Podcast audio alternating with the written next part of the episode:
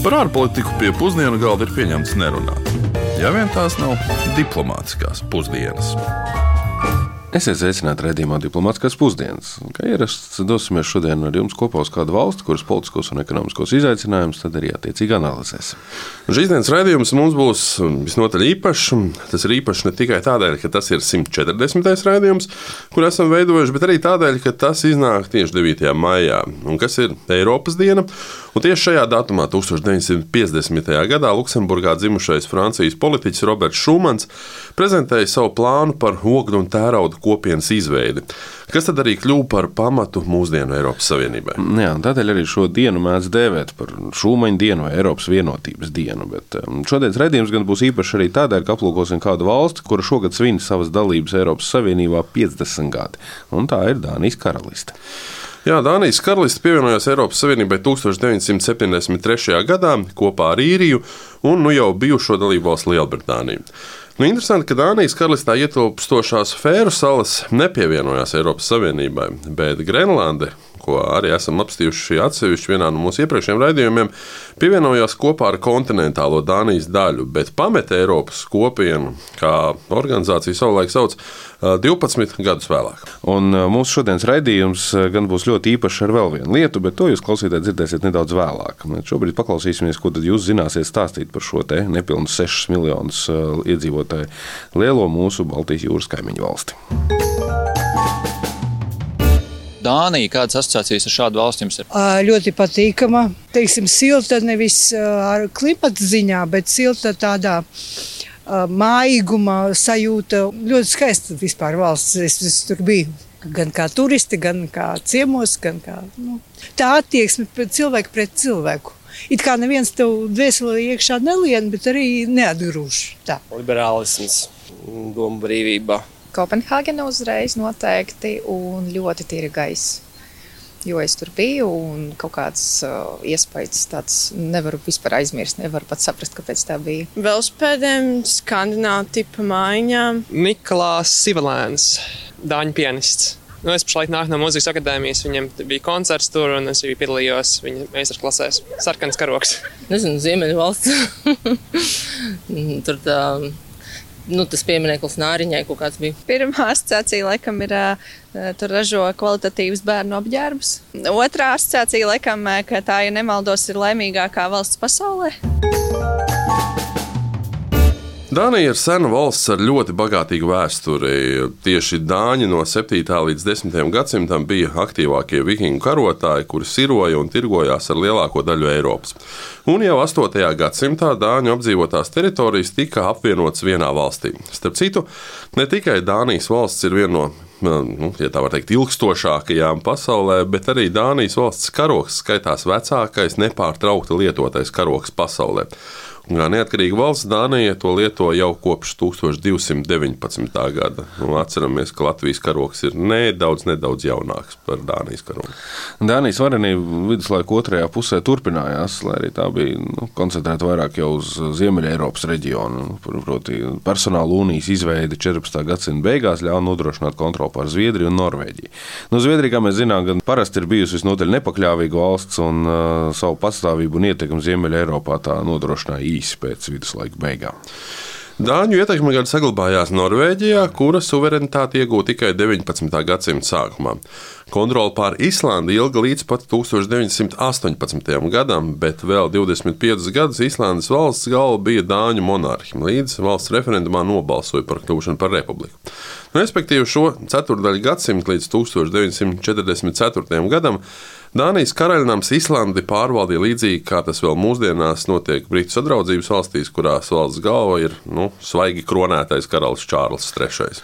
Jā, un kā jau minējāt, tad kontroli pār Grenlandu un Fēru salām Dāņi saglabā vēl šodien, lai arī no agrākās karaliskās varenības valsts jau ir pārvērtusies un ārpolitikā ir klasificējama kā maza valsts. Un šajā vislabāk arī parādās Dānijas valsts ilgstošā gudrība, jo Dānija savu labklājību, autonomiju un politisko ietekmi nodrošina ar tirzniecības un uzņēmējdarbības palīdzību.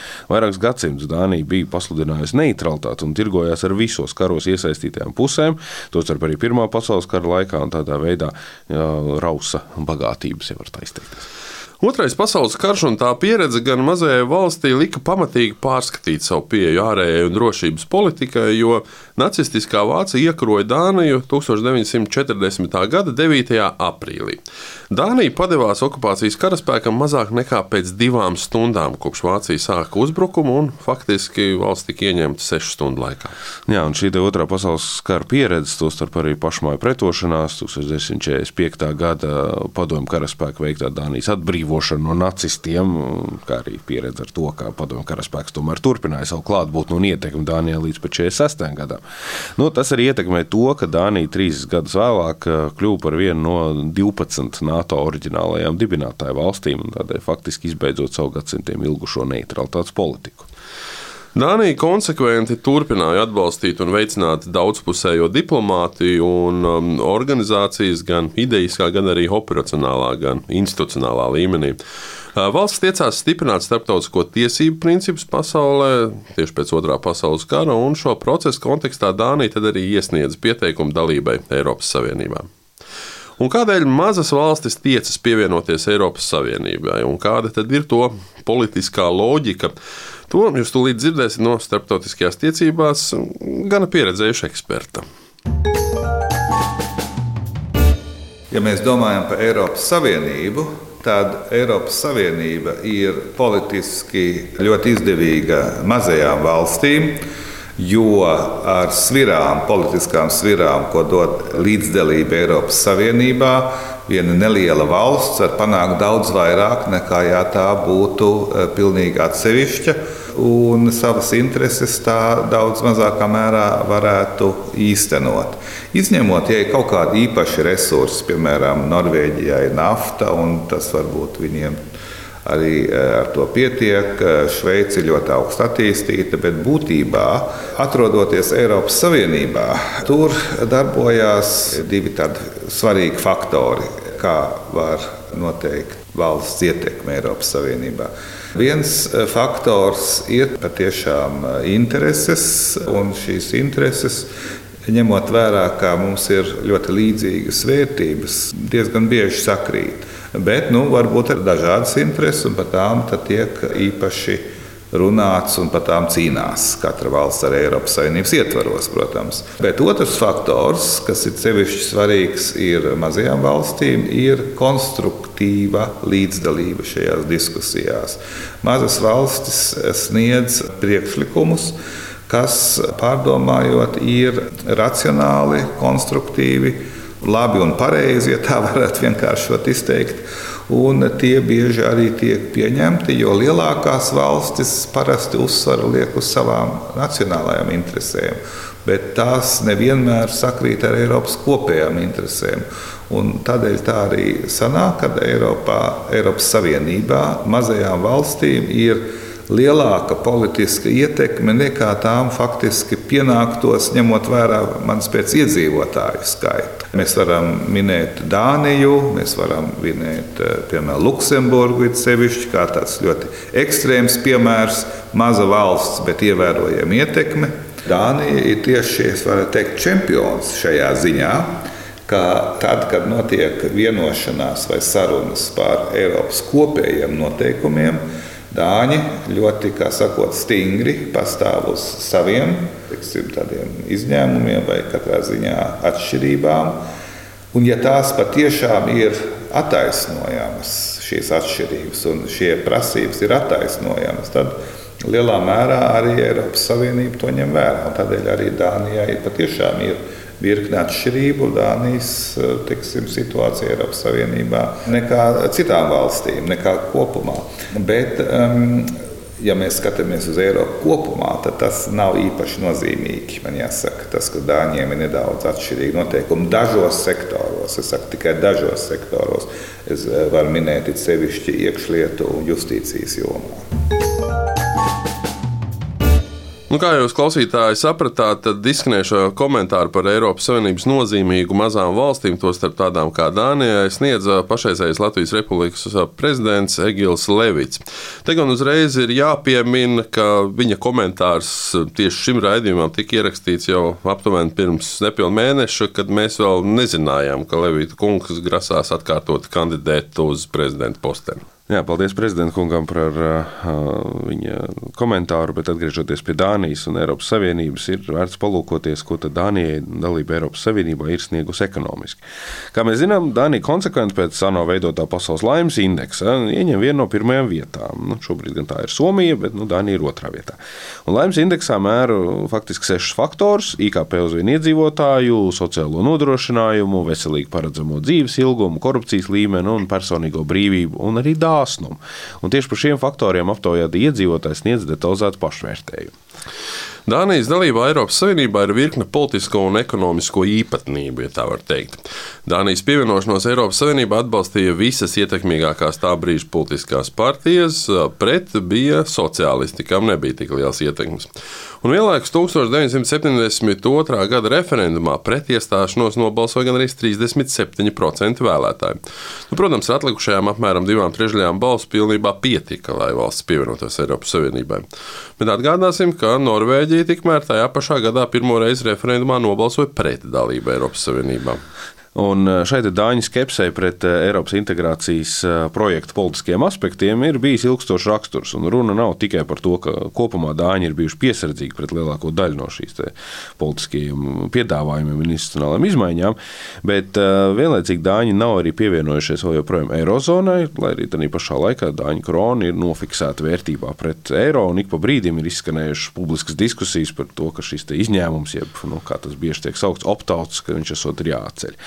Un Dāņi ir ilgstoši arī nav pievienojušies militārās sadarbības formātiem Eiropas Savienībā un tai pašai Eiropas aizsardzības aģentūrai, kur koordinē militāro sadarbību ES valstu starpā. Nu, Dānija pievienojās tikai 2022. gadā pēc referenduma, nu, un šobrīd tajā beidzot ietilpst visas Eiropas Savienības dalībvalstis. Nu, šie, protams, ir modernākie piemēri. Nu, vēl senāks būtu 1979. gads, kad Dāņi iestājās pret Eiropas parlamenta tiešām vēlēšanām. Nu, proti, agrāk Eiropas parlamentā bija dalībvalstu nacionālo parlamentu pārstāvji. Un tad sistēma tika mainīta uz mūsdienu, nu, kad um, Eiropas parlamenta deputāts ievēl atsevišķās vēlēšanās visās dalībvalstīs. Dāņi sākotnēji iebilda arī pret 1986. gada vienoto Eiropas aktu, kā arī citiem būtiskiem Eiropas Savienības līgumiem, tostarp arī būtisko Maastrichtas līgumu 1992. gadā, pirmajā referendumā arī nobalsojot pret to. Jā, neskatoties uz plaši izplatīto skepsi un piesardzību Dānijas sabiedrībā un dažās politiskajās partijās, Dānija ir ekonomiski daudz ieguvusi no dalības eh, Eiropas kopējos procesos un eh, arī no neturēšanās atstatus prom no citām Eiropas valstīm. Aizsākums pēckara izaugsmē, līdzīgi kā daudzām Eiropas valstīm, bija tieši ASV sniegtā finansiālā palīdzība Māršala plāna formā. Kā zinām, tad slavenais Māršala plāns bija ASV valdības centieni nodrošināt politisko draudzību, ģeopolitisko ietekmi un ASV arī produktu noiet tirgus Eiropā. Eiropā, pret, apmaiņā par to piedāvājot vienkārši finansiālo palīdzību valsts atjaunošanai. Jā, kopā tiek rēķināts, ka šī palīdzība visai Eiropai esot bijusi apmēram 155 miljardi eiro, nu, ja mēs skatāmies pēc mūsdienu inflācijas pielīdzinātajām vērtībām. Arī pati dalība Eiropas Savienībā noteikti ir veicinājusi Dānijas ekonomisko izaugsmi.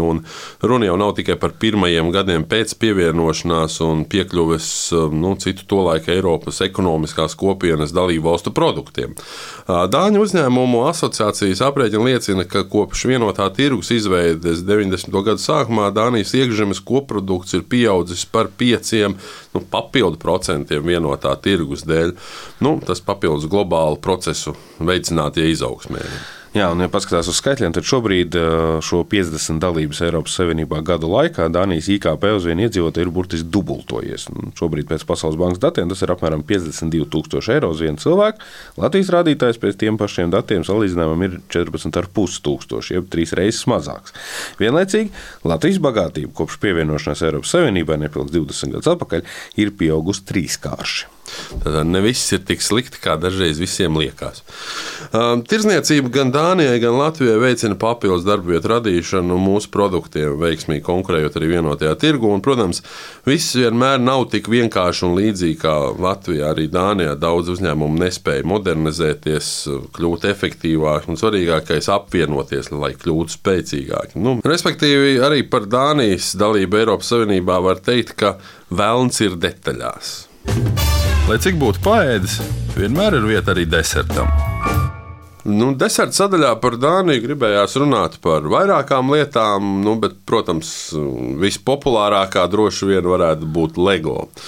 Nu, mums par pārsteigumu kompānijas vērtība ir tikai aptuveni 2 miljardi eiro. Un, un, lai kā mums šķita, ka LEGO klucīši faktiski ir visur, arī Tostarp naktas laikā, svētdienas rītos kaut kur uz grīdas blakus leduskapim.